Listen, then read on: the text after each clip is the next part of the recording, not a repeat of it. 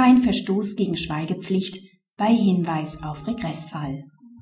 Ein ehemals angestellter Rechtsanwalt verstößt nicht gegen die Verschwiegenheitspflicht, wenn er den Mandanten seines vormaligen Arbeitgebers darauf hinweist, dass dieser einen Regressfall ausgelöst hat. Ein Anwalt war in einer Sozietät als angestellter Berufsträger tätig. Während dieser Zeit erhielt er Kenntnis von Haftungs- und Regressfällen seines Arbeitgebers.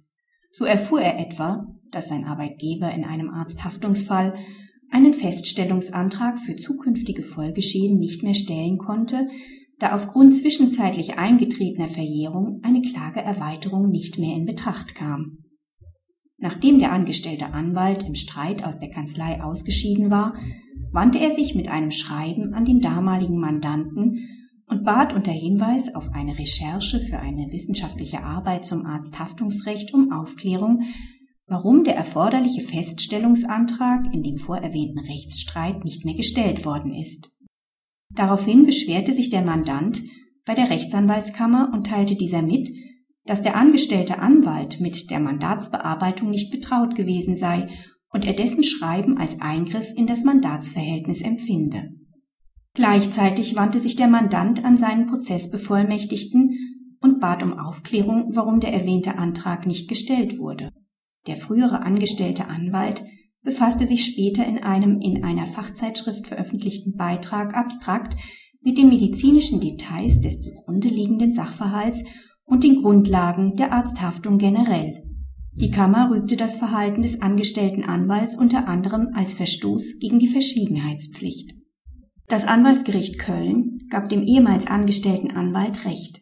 Es entschied, dass ein Verstoß gegen die Verschwiegenheitspflicht nicht gegeben ist, da der in der Zeitschrift veröffentlichte Sachverhalt vollständig anonymisiert worden ist und keinen Personenbezug zulässt.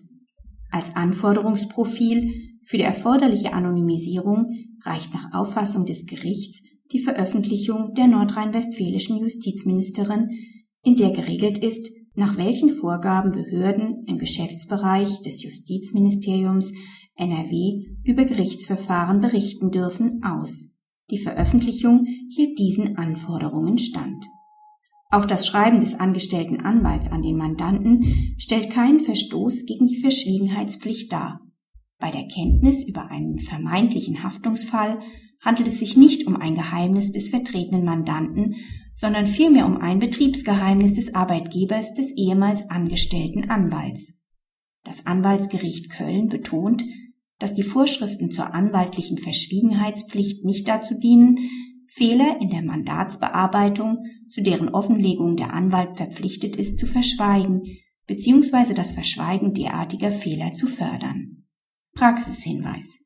Grundsätzlich ergibt sich aus der Treuepflicht des Arbeitnehmers gegenüber seinem Arbeitgeber auch nach dessen Ausscheiden eine Geheimhaltungspflicht, für die es keiner entsprechenden arbeitsvertraglichen Regelung bedarf. Diese Verschwiegenheitspflicht betrifft nicht nur Betriebs- und Geschäftsgeheimnisse des Arbeitgebers, sondern umfasst grundsätzlich auch sonstige vertrauliche Tatsachen. Allerdings muss der Arbeitgeber ein berechtigtes Interesse an der Geheimhaltung haben. Nach Auffassung des Anwaltsgerichts Köln muss in diesem Fall das Geheimhaltungsinteresse des Arbeitgebers gegenüber dem objektiven Interesse des Mandanten an einer Offenbarung zurückstehen so dass sich zugunsten des angestellten Anwalts eine Befugnis zur Mitteilung ergibt